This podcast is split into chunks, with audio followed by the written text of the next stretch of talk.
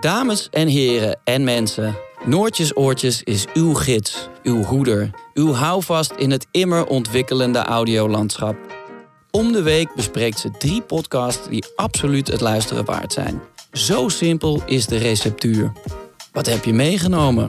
Ja, je gelooft bijna je oren niet, maar drie Nederlandse tips in deze aflevering. Over de geheimen van de geheime diensten, waarom Qatar opeens interesse heeft in voetbal en de opkomst van Jumbo.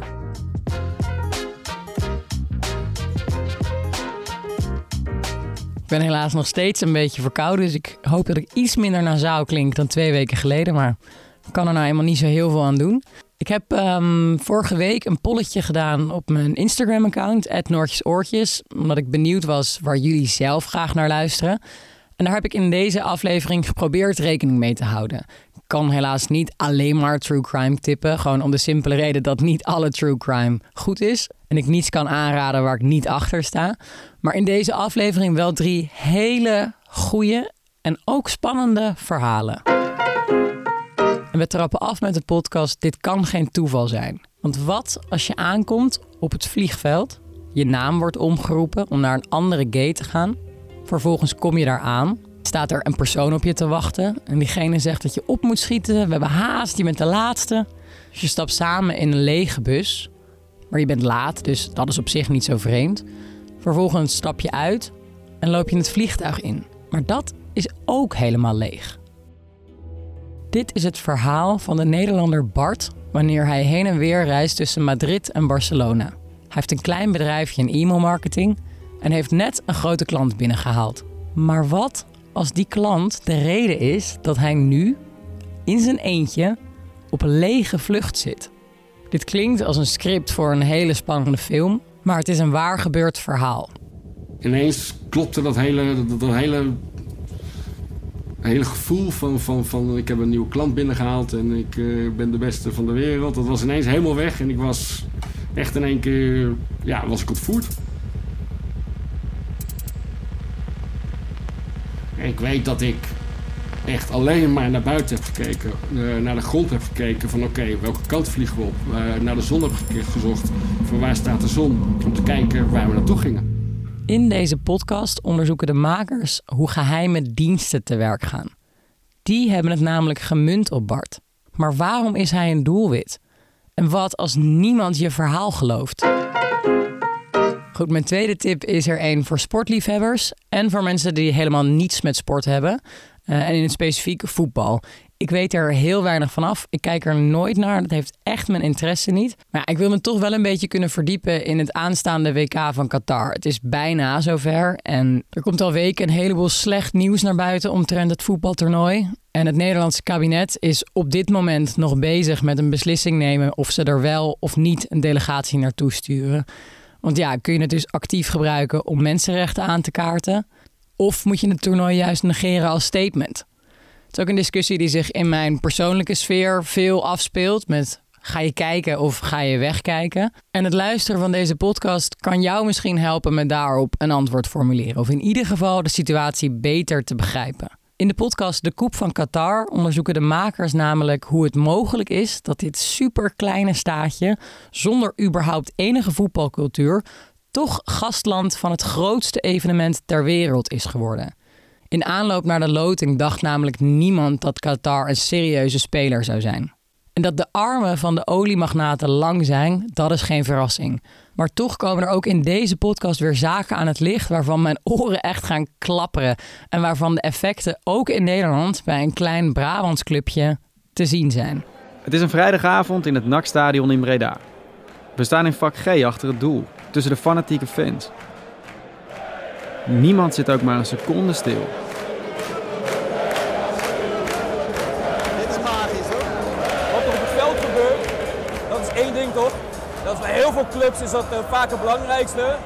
Zou er bij ons ook moeten zijn. Is het al jaren niet. Uh, maar daardoor komt er heel veel kleur in zo'n uh, in zo'n gemeenschapje.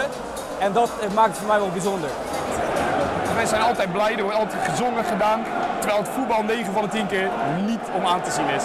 En dan, uh, ik vind, ja, het is hier gewoon altijd leuk. De eerste twee afleveringen staan nu online in de NRC Audio app. Die is gratis. Maar je kunt de serie ook luisteren op alle andere podcast-apps. Ehm, daar moet je alleen iets meer geduld hebben voordat de nieuwe afleveringen online komen. Echt een hele dikke tip als je meer wil leren over het meest schimmige WK in tijden. Mijn derde tip is de podcast Hoge Bomen. Van supermarkt naar supermacht.